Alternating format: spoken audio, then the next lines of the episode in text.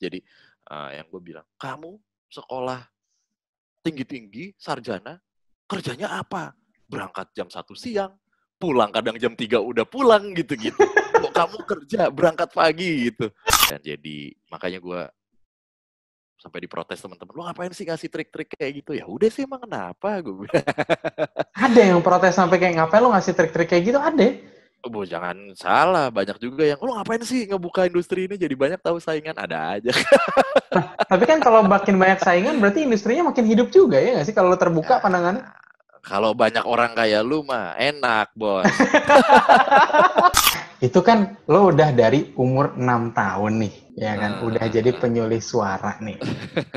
uh, itu kan ya, ya pasti ada Gue seneng loh, ini gue gua baru pertama kali ada host yang bilang penyulih suara. Ke mana aja yang kemarin-kemarin. Tua gapat.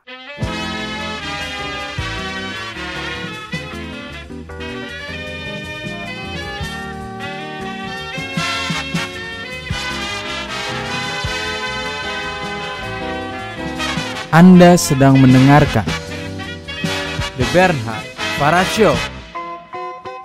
Oke, kembali lagi kita di The Bernhard Farah Show dan sekarang gue kedatangan Bimo Kusumo nih, sang pengisi dan penyulih suara. Wih. Kalau bahasa Indonesia itu pengisi itu voice over dan penyulih suara itu daber ya?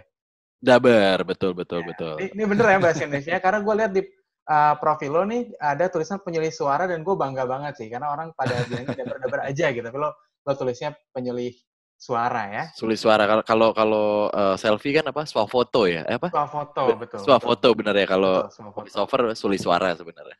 ini lagi lagi sibuk apa nih? Tadi tadi kita janjian jam 8 tapi telat dikit dan terima kasih banyak karena gue jadi lebih banyak mengetahui lo nih. ya, sibuknya ngamen-ngamen aja kalau saya mah kalau musisi ke kalau musisi rotu cafe gitu ya kalau gue kan hmm. ke studio-studio. Studio-studio mantep ya. Ngamennya high class ya. Tergantung. Sebenarnya gue tuh banyak dipakai gitu terus suara gue di mana-mana bukan karena gue jago bukan. Hmm. Karena gue murah itu doang, resiko oh, murah. Iya, itu. Karena orang dipakai bukan karena jago ya, karena murah. Bukan, karena murah. Resiko Bener, murah, bro. Jangan ngomong gitu, nanti yang kontak lo di sini pada minta murah semua loh. ya kan Nah, itu urusan belakang itu. Eh, urusan belakang. Oke. Murah kan murah kan relatif. Murah iya, relatif. Iya. Ada orang yang 5 juta murah, benar, cuman benar, benar. ada orang yang satu juta aja wah udah mahal banget udah, gitu udah kan. mahal banget. Benar-benar sih. gue setuju banget nih. Dan gue mau memperkenalkan lo dulu nih pertama-tama yang mungkin ada teman-teman yang belum tahu walaupun sekarang udah banyak banget yang tahu pasti kan ya karena udah ratusan ribu juga yang nonton, followers banyak kan ya. Uh, Bimo ini lahir Jakarta 4 Juli 1990, S1 Komunikasi, sudah mulai Betul. jadi penyulit suara sejak enam tahun di tahun 1996. Punya uh orang tua yang dua-duanya itu bekerja di bidang yang sama lah mirip-mirip. Ayahnya Daber betul, dan betul, ibunya betul. itu namanya Yvonne. Ah, kerja... Ah, bukan, bukan. Eh, bukan. Ibu saya bukan Mbak Yvonne. Ibu eh, saya bukan. Maaf. Bukan. Siapa? Siapa ibunya? Ibu... saya saya Haji saya pergi mencari ibu. Udah ini ada salah nih satu nih. Apa apa? Uh, uh, sebenarnya tante uh, tante Ivon itu sebenarnya huh? angkatan angkatan dari uh, bapak ayah saya oh, gitu ya. Uh, ah, di iya, tahun iya. 80-an itu kan banyak sandiwara radio. Oh, bukan banyak Betul. ya, lagi booming banget sandiwara radio waktu itu. Kalau sekarang Betul. mungkin podcast kan. Nah, ya, salah ya, satunya adalah Tante Ivon itu salah hmm. satu um, ya seangkatan sama bapak lah dan nama-nama hmm. besar yang lain gitu. Nah, ibu eh, kebetulan bekerja di audio post di boleh dibilang nih audio post pertama Swadaya Prativi. Betul. Yes. Swadaya Prativi. Karena kenapa tadi gue bilang gitu? Sebenarnya gue mau mancing, Bro. ada beberapa Bisa aja gue cek ya. Ada yang menyangka Ibu Ivon itu ibu lo beneran, beneran. Tapi banyak banget bahkan ada ada talent VO yang udah lumayan senior ya Om Lukman hmm? namanya itu juga dikira uh, bokap gue juga gitu padahal Nah iya.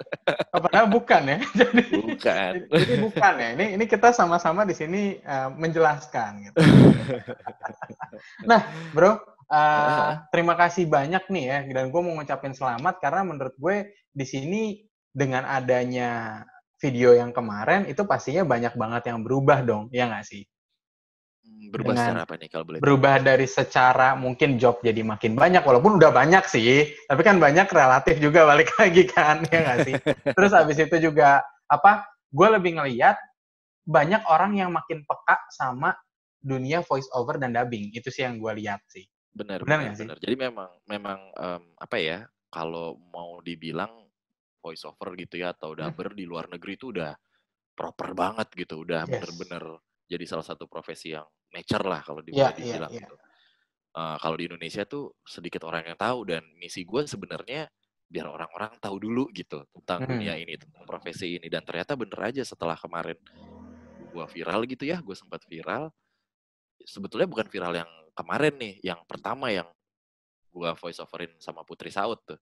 Oh itu justru yang sama Putri Saud itu kan yang Putri Saud itu yang pertama dan yang kedua tuh Bener. yang sendiri yang suara high mid sama low.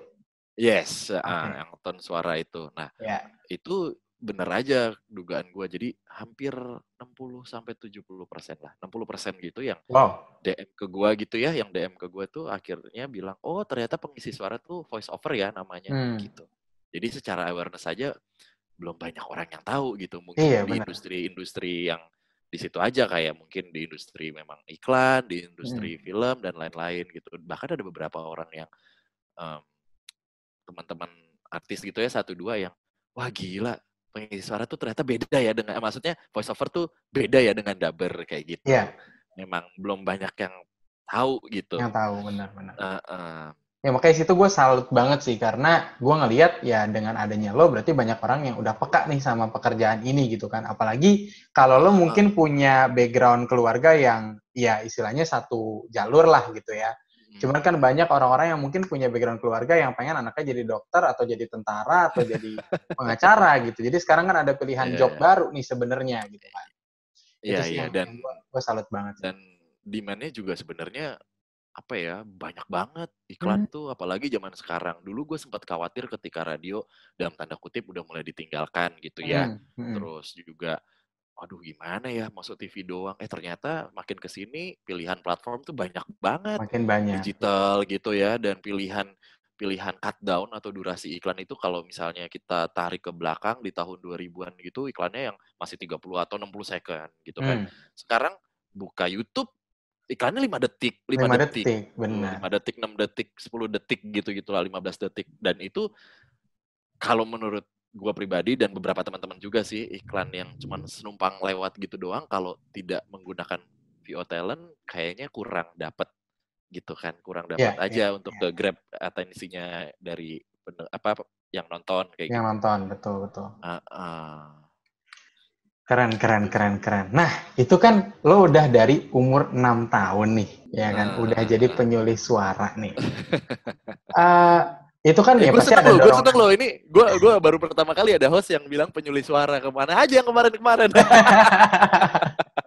karena eh gue gue beneran ya ini kenapa gue beneran salut sama lo karena lo men, uh, menaruh penyulis suara dan pengisi suara gue tuh punya keinginan banget pengen mempromosikan bahasa Indonesia sampai gue ikut duta bahasa oh, itu gue gue gue gue keluar kerja dulu gue jurnalis ah. di salah satu medianya Transcorp okay, uh, okay, okay. Terus gue keluar demi gue ikut duta bahasa karena ya jadi jurnalis lo gak punya waktu untuk itu dan dan gue makanya salut banget sama lo karena lo punya keinginan juga untuk mempromosikan bahasa itu.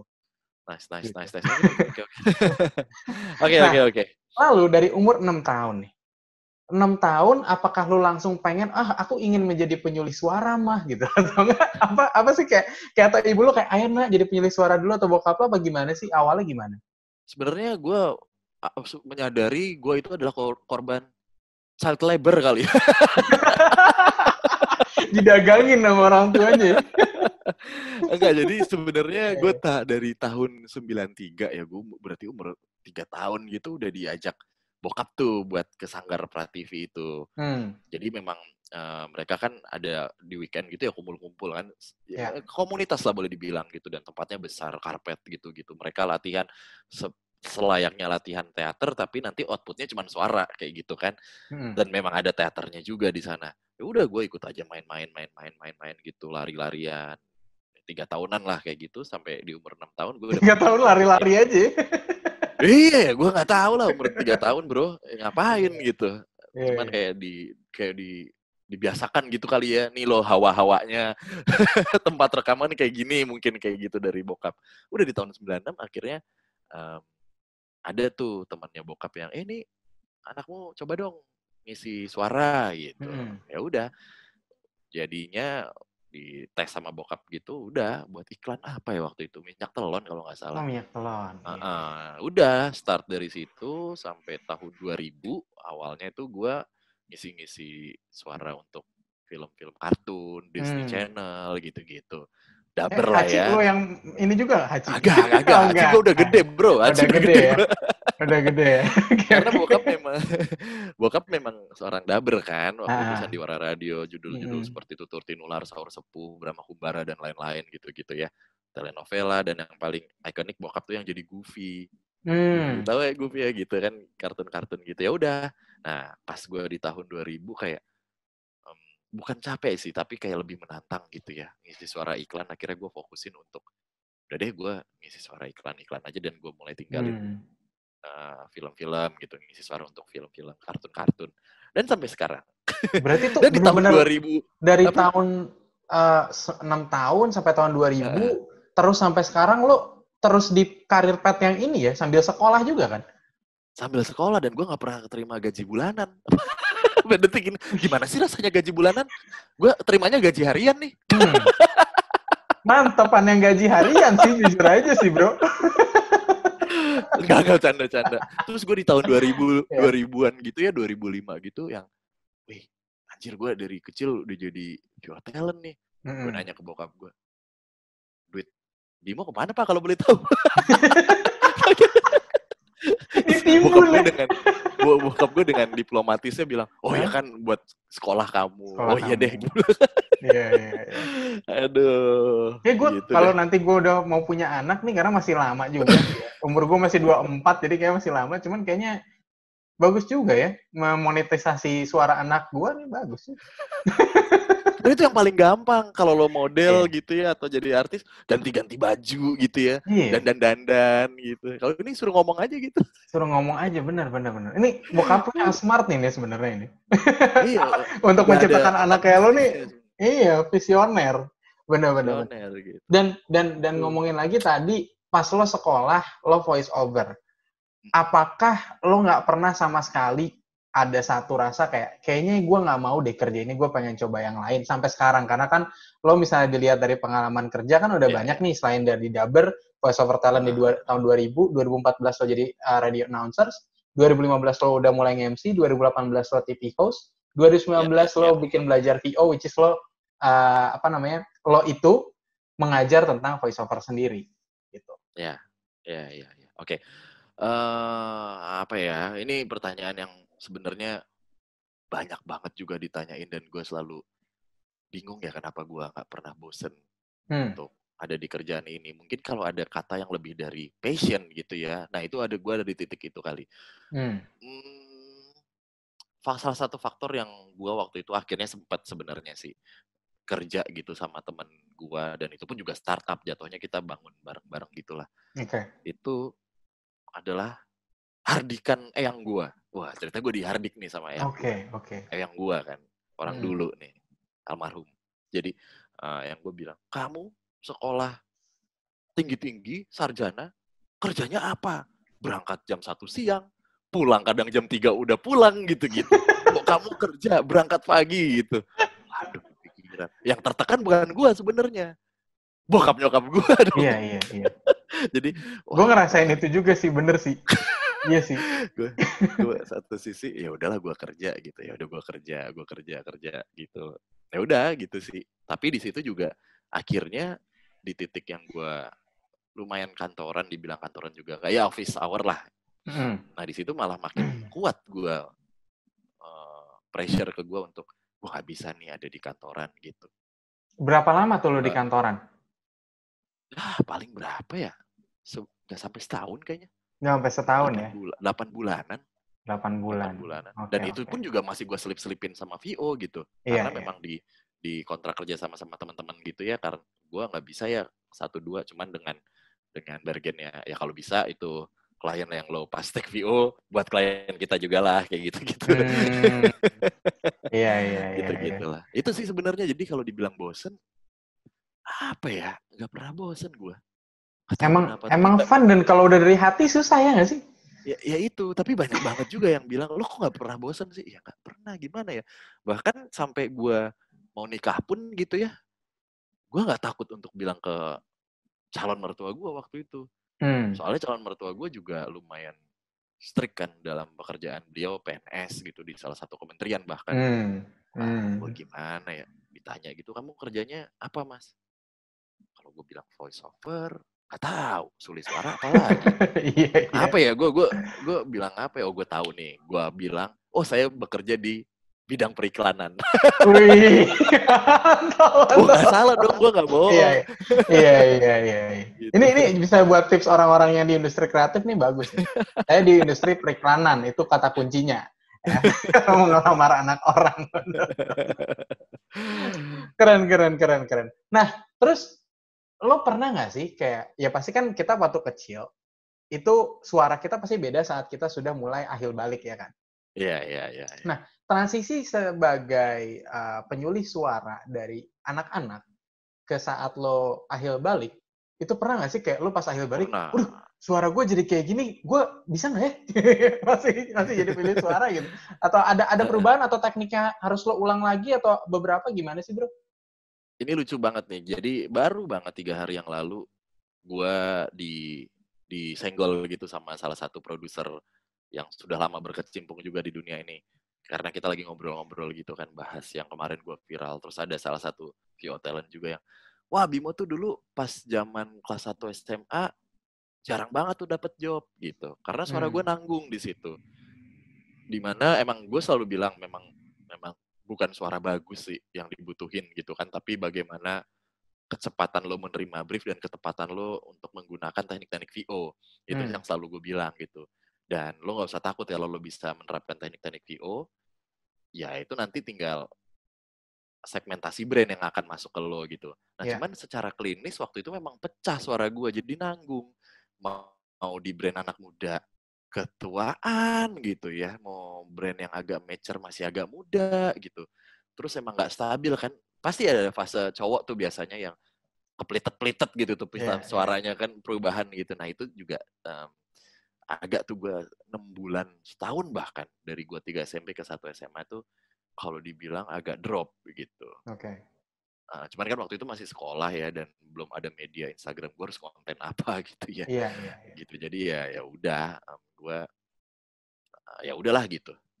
Itu 2005 berarti ya sekitar 2005an ya sih? Ya, 2005 2005 ya. Ya, benar benar. 15 tahun kan pas umur 2005 tuh kan. Iya, iya, iya. Ya segitulah nah, di, di umur-umur segitu gue yang oh nggak ada ya cuman tetap tenang aja legacy keluarga gue ada adik gue yang iya. yang cari duit buat orang tua adik gue benar, benar, benar. adik gue masih belum pecah yang masih aja. bisa dikaryakan gitu ya iya iya iya nah bro karir sebagai voice over talent sebagai penyulik suara gitu kan um, ini ada masanya nggak sih kayak lo udah nggak bisa lagi jadi penyulis suara? Oke okay lah, mungkin kayak ya berkaca dari bokap nyokap lo mungkin ya. Uh. Itu sebenarnya time span-nya sebagai penyulis suara tuh karirnya gimana sih? Ya itu yang tadi gue bilang. Uh, selain faktor teknik yang harus uh. dimilikin supaya lo bisa nge-grab banyak segmen, which is hmm. itu adalah hmm. tone suara, Hmm. Kayak lo kalau lihat iklan-iklan gue, ya itu deh tiga ton suara itu. Gue berada hmm. di segmentasi anak muda sama dewasa juga bisa kan. Oke. Okay. Nah, selain teknik, balik lagi sobat freelance di mana pun kita berada gitu ya, yang harus dijaga adalah attitude. Hmm. Karena bagaimanapun kita kan penyedia jasa ya, kita ada di di di bidang jasa gitu. Once kita nggak beres, once kita ada masalah itu ngeri banget bisa menjalar ke mana-mana. Itu sih yang harus dijaga sebenarnya attitude dan kualitas gitu. Benar, benar. Gue selalu menjaga itu. Karena lo punya skill, lo pinter, kalau attitude lo kurang ya tetap aja gitu kan. Lo kan tetap di sini ada namanya orang kan ngomongin kalau oh karir itu yang penting lo pinter itu enggak juga ya bro ya. Yang penting kan uh, lo punya koneksi dan lo menjaga koneksi itu dengan baik juga ya kan. Kita kan bekerja untuk banyak orang juga kan dan mencakup banyak pihak juga gitu. Itu yang harus okay. dijaga sih. Oke, oke. Nah, ini nih yang viral kemarin kan. Lo kan ngobrol bareng Putri Sa apa jamming ya bareng Putri uh, Saud, uh, uh, terus lo juga apa namanya bikin contoh-contoh uh, suara high middle sama low gitu kan. Nah, sekarang gue mau nanya nih. Lo di YouTube lo, YouTube lo itu kan sudah dari tahun 2019 ya. Tepatnya bulan Maret tanggal 22 ya nggak sih? Gue ma gue malu banget tuh malah gak gue jalanin YouTube gue lagi sibuk konten Instagram. Konten Instagram ya. Nah uh, eh, gue ngelihat uh, pertama itu lo kepikiran jamming ini tuh karena apa sih? Karena ngelihat putrinya atau oh. apa lu oh gue gue mau jamming nih gue nyari orang. Apa gimana sih? Awalnya gimana? Iya yeah, jadi waktu itu kita awal-awal apa ya lockdown. PSBB PSBB hmm. awal-awal PSBB kan ya. Terus uh, eh, gue ngelihat musisi-musisi pada berkarya dari rumah masing-masing tuh ceritanya mm. ya kan. Pada ngejamming gitu. Penyanyi-penyanyi juga pada ngejamming. Profesi-profesi lain pada split screen semualah gitu yeah, kan. Yeah, yeah. Terus gue ngeliat kayak kok voice over belum ada lucu kali ya kalau gue bikin ya gitu. Cuman mm. gue masih kepikirannya uh, eh sorry malah gue belum kepikiran gitu. Gue belum mm. kepikiran mm. konten apa gitu. Pas banget ternyata Putri itu follow gue kan. Waktu mm. itu udah sempet DM-DMan tentang voice over itu. Mm-hmm. Nah, gua ngeliat Insta Stories Putri itu udah 23 jam yang lalu. Berarti mm-hmm. kalau satu jam udah hilang tuh Insta Stories. Nah, Putri itu sendiri dia ala-ala flight attendant gitu. Nah, kepikiran deh, wah nih dia nih. Pas banget dengan momen kan, karena waktu itu penerbangan juga pas lagi ditutup. Iya, iya. Orang-orang nggak bisa pergi-pergi. Ini dia nih bukan teknik yang gue keluarin, tapi sentimentalnya gitu kan. Okay. Sentimentalnya nih yang ke orang-orang pasti kena nih. Momen banget. Ya udah akhirnya put uh, lu dengan bahasa Inggris lo karena ini fasih banget, gue rasa juga jarang banget orang Indonesia yang bisa voice over dengan aksen British yang luar biasa kental bahkan akhirnya benar juga kan kemarin dia di repost sama British Embassy yeah. dan pihak British Embassy-nya bilang kalau orang British sendiri kan kita tahu ya pada kalau ngomong nggak jelas ya bahasa gitu kan orang asli Britishnya gitu. Cuman ini orang yang di luar Inggris gitu orang hmm. bukan orang British orang Indo tapi bisa lebih clear ngomongnya. Ya udah akhirnya kita collab nggak paling kita cuman waktu itu rame nih put gitu doang nggak nggak yang viral nih nggak gitu. Oke. okay. tapi ya gitu, gue percaya lah lo bukan orang yang percaya dengan hal-hal yang kebetulan ya nggak sih Iya nggak sih? nanti nanti di akhir, di akhir, di akhir, di akhir. di akhir ya, di akhir ya. Kita obrolin. Oke, okay. okay, ya. kita kita kita obrolin di akhir. Nah, tapi oke. Okay. Nah, soalnya punchline-nya nanti di sini nggak enak oh, iya, nanti Iya. Oke, oke. Ini, ini ini makin menarik nih karena punchline-nya di sini. Siap, siap. Nah, terus gue juga ngeliat kan di YouTube lo itu lo pernah kolaborasi sama Binta Nadila di mana oh iya iya iya iya. ada nggak nanti bakal kolaborasi sama dia lagi? Lu pernah kepikiran nggak? Binta Nadila kebetulan adalah co-founder dari Voice Institute juga. Wih. Itu jadi Binta Nadila itu VO talent juga yang hmm. kebetulan sering banget satu skrip. Nah Binta Nadila ini si Binta ini sebenarnya gue versi cewek. Bahkan dia yang lebih parah. Suaranya banyak banget di TV hmm. kalau lo udah kalau lo udah ngobrol sama dia lo akan notice loh wah anjir nih iklan ini gitu. Cuman dia yeah. gak mau branding anaknya emang gitu. Emang dia tuh mak-mak banget ngajar yoga gitu. ngajar ngajar yeah, konfit yeah. salah gitu. Okay, oh, branding okay. kayak apa gitu. Enggak, gue gak mau. Bukan gak bisa, gak mau gitu. Memang gila dia suaranya banyak banget dan salah satu VO talent cewek yang super lah menurut gue. Skillnya hmm. oke, okay, enak banget gitu dan ini Gak secara kebetulan, Binta secara kalau, unik. Binta kalau ketemu apa? apa dengerin ini melayang nih. udah biasa dia udah begini, udah biasa, udah biasa. Siap, siap. Dan yang yang uniknya dia tuh mentor gue di radio sebenarnya. Wih. Uh, uh, jadi gue waktu itu masuk ke radio gitu ya, hmm. awal gue siaran di salah satu radio swasta gitulah. Hmm. Gue dimentorin sama dia gitu, di training sama dia. Gitu. Cuman ya dia tahu gue udah nge-VO dan pada saat itu Binta belum se eh udah udah udah udah udah udah warawiri udah udah warawiri juga. Okay. uh, uh, gitu. Ya gitu. Kalau ngomongin collab sih di YouTube nanti mungkin gue akan lebih collab ke yang lebih unik ya. Seperti voice talent voice talent lain gitu. Rencana sih akan kayak gitu. Karena Binta udah selalu ada di kelas Voice Institute bareng gue gitu. Apa yang mau dikolepin? Kemarin sih kolep tuh di Instagram kalau lo lihat. Iya, iya, iya. Iya, itu pun iya. dengan susah payah. Eh, ayo dong bikin konten. Enggak, Karena sama-sama sibuk ya. Banyak-banyak inilah, banyak hal-hal yang harus diurus apa gimana nih? Siapa? Enggak, karena banyak hal-hal yang diurus atau gimana sampai susah banget nih mau collab nih? Itu jadwalnya dia gila banget, Pak. Gue oh. tuh sehari paling satu dua gitu. Dia tuh bisa tiga sehari gitu. Parah okay, itu orang. Okay. Uh, uh. Cuman gak usah lah, gak usah diekspos gue aja. siap, siap. Dia, dia gak bisa konten gitu, gue aja. Gitu. Iya, iya, siap, siap. Nanti dia juga makasih kok udah gue sebut gini. Iya. nah bro, gue gue juga penasaran nih, kan kalau bilang tadi Binta tuh suaranya banyak karena gue pengen bridging ke satu hal nih. Kalau okay, lo okay. ngomong suara dia banyak, memang suara sebagai penyulis suara atau pengisi suara, lo sendiri punya berapa jenis suara sih? Ah itu yang di di ini dalam konteks untuk iklan komersil ya. Iya iya iya. Itu kan tone ya. Tapi selain tone ada tone lagi nggak sih? Hmm, yang paling ya paling paling bisa untuk dibedakan ya tone suara ya, tone suaranya dan okay. idal gitu. kalau intonasi akan mengikuti dari tone suaranya biasanya gitu. Beda lagi kalau gue akan uh, kalau gue di voice acting gitu. Hmm. Gue balik lagi jadi seorang dubber gitu ya. Yeah. Mungkin gue bisa yang lebih kayak bapak-bapak gitu. Cuma okay. untuk cempreng-cempreng kayaknya bukan gak bisa. Ada yang lebih cempreng dari gua gitu. Oke. Okay.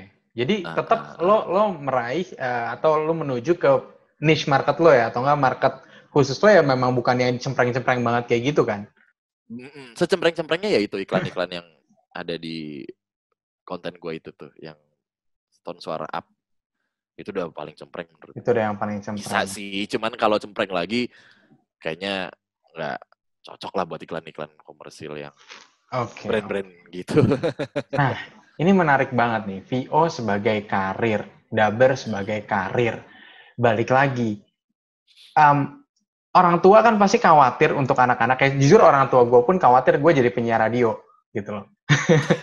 Orang tua gue khawatir gitu kayak lo mau makan apa nak? Lo mau mau mau gimana nak? Gitu. Tapi cowok lagi ya kalau cewek mah bebas cowok ya. lagi ya kan ngelamar anak orang ngomong apa tapi kayaknya gue udah dapat inspirasi dari lo sih. Tadi gue mau mana sih. Aduh. cuman gini gue uh, uh, gue bikin The Bernhard Farah Show ini karena memang gue pengen mengedukasi, memberikan inspirasi sama ini harus benar-benar personal. Kalau pertama kali ngobrol nih ya, kita bahkan nggak pernah ketemu langsung kan ya. Nah, um, sebenarnya penghasilannya itu kan kalau kalau kalau VO kan ada per cut down ya 60, 30, 15 betul, sama betul, 5 betul. detik tuh. Dan terus lo uh, pernah bilang ada per versi sama per media nih. Iya, betul. Nah ini betul, gimana betul. sih breakdownnya bro? Gitu loh kayak mungkin bisa dikasih insight juga nih ke kita yang mungkin pengen lebih tahu lagi tentang itu. Oke, misalnya iklan apa ya iklan sabun. Hmm. Iklan sabun ada dua versi nih, versi ibu dan versi anak-anak. Oke. Okay. Gua misi untuk dua versi ini sebagai announcer. Jadi misalnya pakailah sabun A gitu ya. Walaupun suara gue nanti ditaruhnya di dua-dua gitu. Nah, si ini berarti gue ada dua versi Misalkan gue satu versinya itu dan satu countdown adalah satu juta. Okay. Berarti dari sini aja gue udah dapat dua juta nih. Oke. Okay. Gitu kan. Nah, si versi ibu-ibu ini ada tiga cut down. 60, 30, dan 15. Oke. Okay. Versi anak-anak cuma dua cut down. 60 dan 30. Oke. Okay. Berarti dikali berapa tuh? Dikali tiga tambah dua kan? Oh, dikali tiga sama dikali dua ditambahin gitu? Ah, uh, gitu. Okay. Ya sebenarnya berarti ada lima kan, lima cut down berarti. Iya. Berarti kalau masing-masing satu juta uh, ini berarti lima juta dapatnya gitu kan? Lima juta gitu. Misalnya yeah. lagi ternyata medianya yang 60 second ini ada TV, ada sinema, ada radio misalnya gitu. Hmm. Ya udah ditambah lagi dua juta berarti buat oh, sinema dan radio. Padahal itu dengan konten yang sama. Uh -uh, dengan konten Tapi distribusi sama. Eh, channel uh, kanal distribusinya beda tuh beda harga ya? Iya gitu. Eh harganya sama dong? Enggak maksud gue beda beda beda harganya jadi nambah lagi kan karena tadi satu juta jadi kalau dua dua channel jadi dua juta apa gimana? Iya kayak gitu dua channel jadi dua juta oh. karena kan ada cost produksi lagi kan untuk cost apa placement juga kan untuk ke sana gitu ada costnya lagi pasti untuk ke media-media yeah, yeah. lainnya gitu. Secara kasar gitulah Mantep ya. Itu satu juta kalau itu satu juta kalau tiga juta udah berapa tuh? Kagak kagak. Aduh. Iya iya. Satu iklan. Satu iklan. Satu kalau hari. sebulan sepuluh kan banyak. Aduh, iya. enggak enggak enggak itu gambaran tapi, kasarnya. Tapi ya walaupun itu gambaran kasar, gue pengen tahu deh rata-rata nih ya di di ah. di normalnya gitulah ya dan dengan pandemi ya, ya, ini. Ya, ya uh, sebenarnya jadi VO itu biasanya penghasilannya berapa sih, bro? Oke, ini uh, kemarin juga baru dibahas di sama teman-teman gitu ya, teman-teman VO talent yang lain karena jadi makin banyak teman-teman VO talent lain yang di follow gitu ya yeah. dan nanya-nanya gitu. Sebenarnya range-nya tuh 500 sampai satu juta untuk pemula. Oke. Okay. Okay. Nah, untuk pemula tuh segitu satu cut down ya. Yeah. Gitu. Between itulah gitu kalau misalnya sudah um, sudah pro gitu ya sebenarnya ya itu dia di Indonesia belum ada asosiasinya yang untuk hmm. main harga atau gimana gitu ya. Jadi yeah. kalau gue tembak 5 juta juga ada sebenarnya VO talent juga gitu 3 juta juga ada satu cut down dua setengah juta dua juta Wah, banyak banyak deh gitu. Per satu klien yang pernah lo dapat paling gede tuh berapa sih bro? Paling gede ya waduh berapa ya? Aduh gue gak enak nih Jangan dong.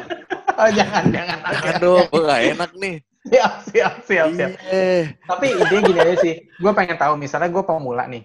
Uh, uh, uh. Gue mau terjun ke dunia ini. Gitu kan. Gue pengen terjun ke dunia VO, tadi 500 sampai 1 juta, dalam satu bulan tuh rata-rata aja. Itu gue bisa dapat berapa sih? Oke. Okay. Seminggu, bentar, bentar. Berapa apa nih? Berapa cut down-nya? Berapa nominalnya aja deh. Nominalnya. Oh, nominalnya ya. Nominalnya dengan harusnya 5 juta dapat. Satu bulan? Uh -uh. Wih, gede loh. Nah, harusnya ya. Iya, iya. Dan 5 juta itu dengan asumsi bukan tiap hari kerja nih. Yeah. Bisa aja sehari langsung 5 juta kayak gitu. Oke, okay, oke, okay, oke. Okay. Sekali dan itu gitu ya. itu rata-rata gitu kan nggak ya itu nggak nggak pas peak season dan nggak pas slow season gitu kan? Rata-rata gitu. Iya, iya. iya. Oh ini ya maksudnya ini juga jadi salah satu pembuka mata juga buat banyak generasi orang tua yang pengen anaknya ya, karena banyak sekarang kan industri kreatif yang harusnya didukung juga ya nggak sih bro? Harusnya ya, harusnya kan udah udah digital, udah kreatif, udah mengarah ke Indonesia yang kreatif lah gitu-gitu industrinya, lain-lain harusnya sih begitulah. Okay, okay, okay. Nah, ngomongin soal tadi, lo nggak percaya dengan hal-hal yang kebetulan. Aduh. Iya nggak sih? iya sih. Benar, kenapa gitu. lo nggak percaya dengan hal kebetulan itu kenapa? Karena gue punya satu kalimat yang selalu gue tanemin dalam diri gue gitu. Sebenarnya ini juga nasihat bokap juga sih. Hmm. Um, kita tuh nggak boleh takut kehilangan ilmu. Tapi kita harus takut kehilangan momen gitu. Kenapa? Karena kita ya dapat ilmu dari orang-orang yang gak upload ilmu yeah, kita betul. juga kan gitu. Terus kenapa kita nggak harus takut kehilangan momen? Nah itu dia tuh kalau kita males banyak banget momen-momen yang terlewatkan nih. Kalau bicara duniawi ya momen kita menjadi kaya mungkin, lalu momen kita jadi viral, momen untuk aktualisasi diri gitu itu bahas duniawi. Nah, satu nih sebenarnya momen yang kelewat. Momen untuk berbagi berkat dan berkah ke orang lain. Hmm. Dengan kayak gini, kan gue jadi bisa mengeluarkan ilmu yang gue dapat dari senior-senior gue dulu dan menginspirasi mudah-mudahan insya Allah gitu ya. Dan, dan jadi makanya gue sampai diprotes teman-teman lu ngapain sih ngasih trik-trik kayak gitu ya udah sih emang kenapa gue ada yang protes sampai kayak ngapain lu ngasih trik-trik kayak gitu ada Bu, jangan salah, banyak juga yang, lo ngapain sih ngebuka industri ini jadi banyak tahu saingan, ada aja. nah, tapi kan kalau makin banyak saingan berarti industrinya makin hidup juga ya nggak sih kalau terbuka ya, pandangannya? Kalau banyak orang kayak lu mah enak, bos. iya sih, bener juga sih. Iya. Ya memang pandangan orang-orang kan mindsetnya memang kayak, oh kalau orang buka toko di sebelah, toko gue bisa nggak laku lagi nih gitu kan. Itu, waduh susah deh kalau udah ngomongin kayak gitu. Kudu dari akar ngobrolnya bro benar, benar, benar, benar. Itu udah dari akar benar sih. Iya, kita benerin akarnya susah juga dan perjuangannya tuh harus perjuangan bersama ya nggak sih? Iya. Bukan perjuangan gitu. dari lo doang gitu. Benar, benar, benar, benar. Oke, okay. ya. uh, untuk teman-teman, terima kasih banyak yang udah nonton video ini. Nanti di video selanjutnya kita bakal nge-challenge Bimo, terus juga gue bakal minta beberapa pelajaran dari Bimo juga yang ya, pastinya ya, nggak ya, kalah ya. seru dari aman, yang aman, sekarang. Aman. Jadi terima kasih banyak yang udah nonton. Jangan lupa ya, klik ya. tombol like. Kalau lo nggak suka, please banget klik tombol yang begini ya, yang dislike dan diklik gitu. Jangan nggak diklik karena lo nggak suka terus lo diamin. Menurut gue lebih baik lo klik aja. Terus habis nice. itu lo komentarin kenapa nice. konten ini harus diperbaiki lagi gitu loh. Jadi nice, jadi kita bisa lebih baik lagi dan lo bisa menyebarkan ini ke semua orang kalau misalnya menurut lo ini bisa mengedukasi orang lain. Oke, okay. thank you. Bim.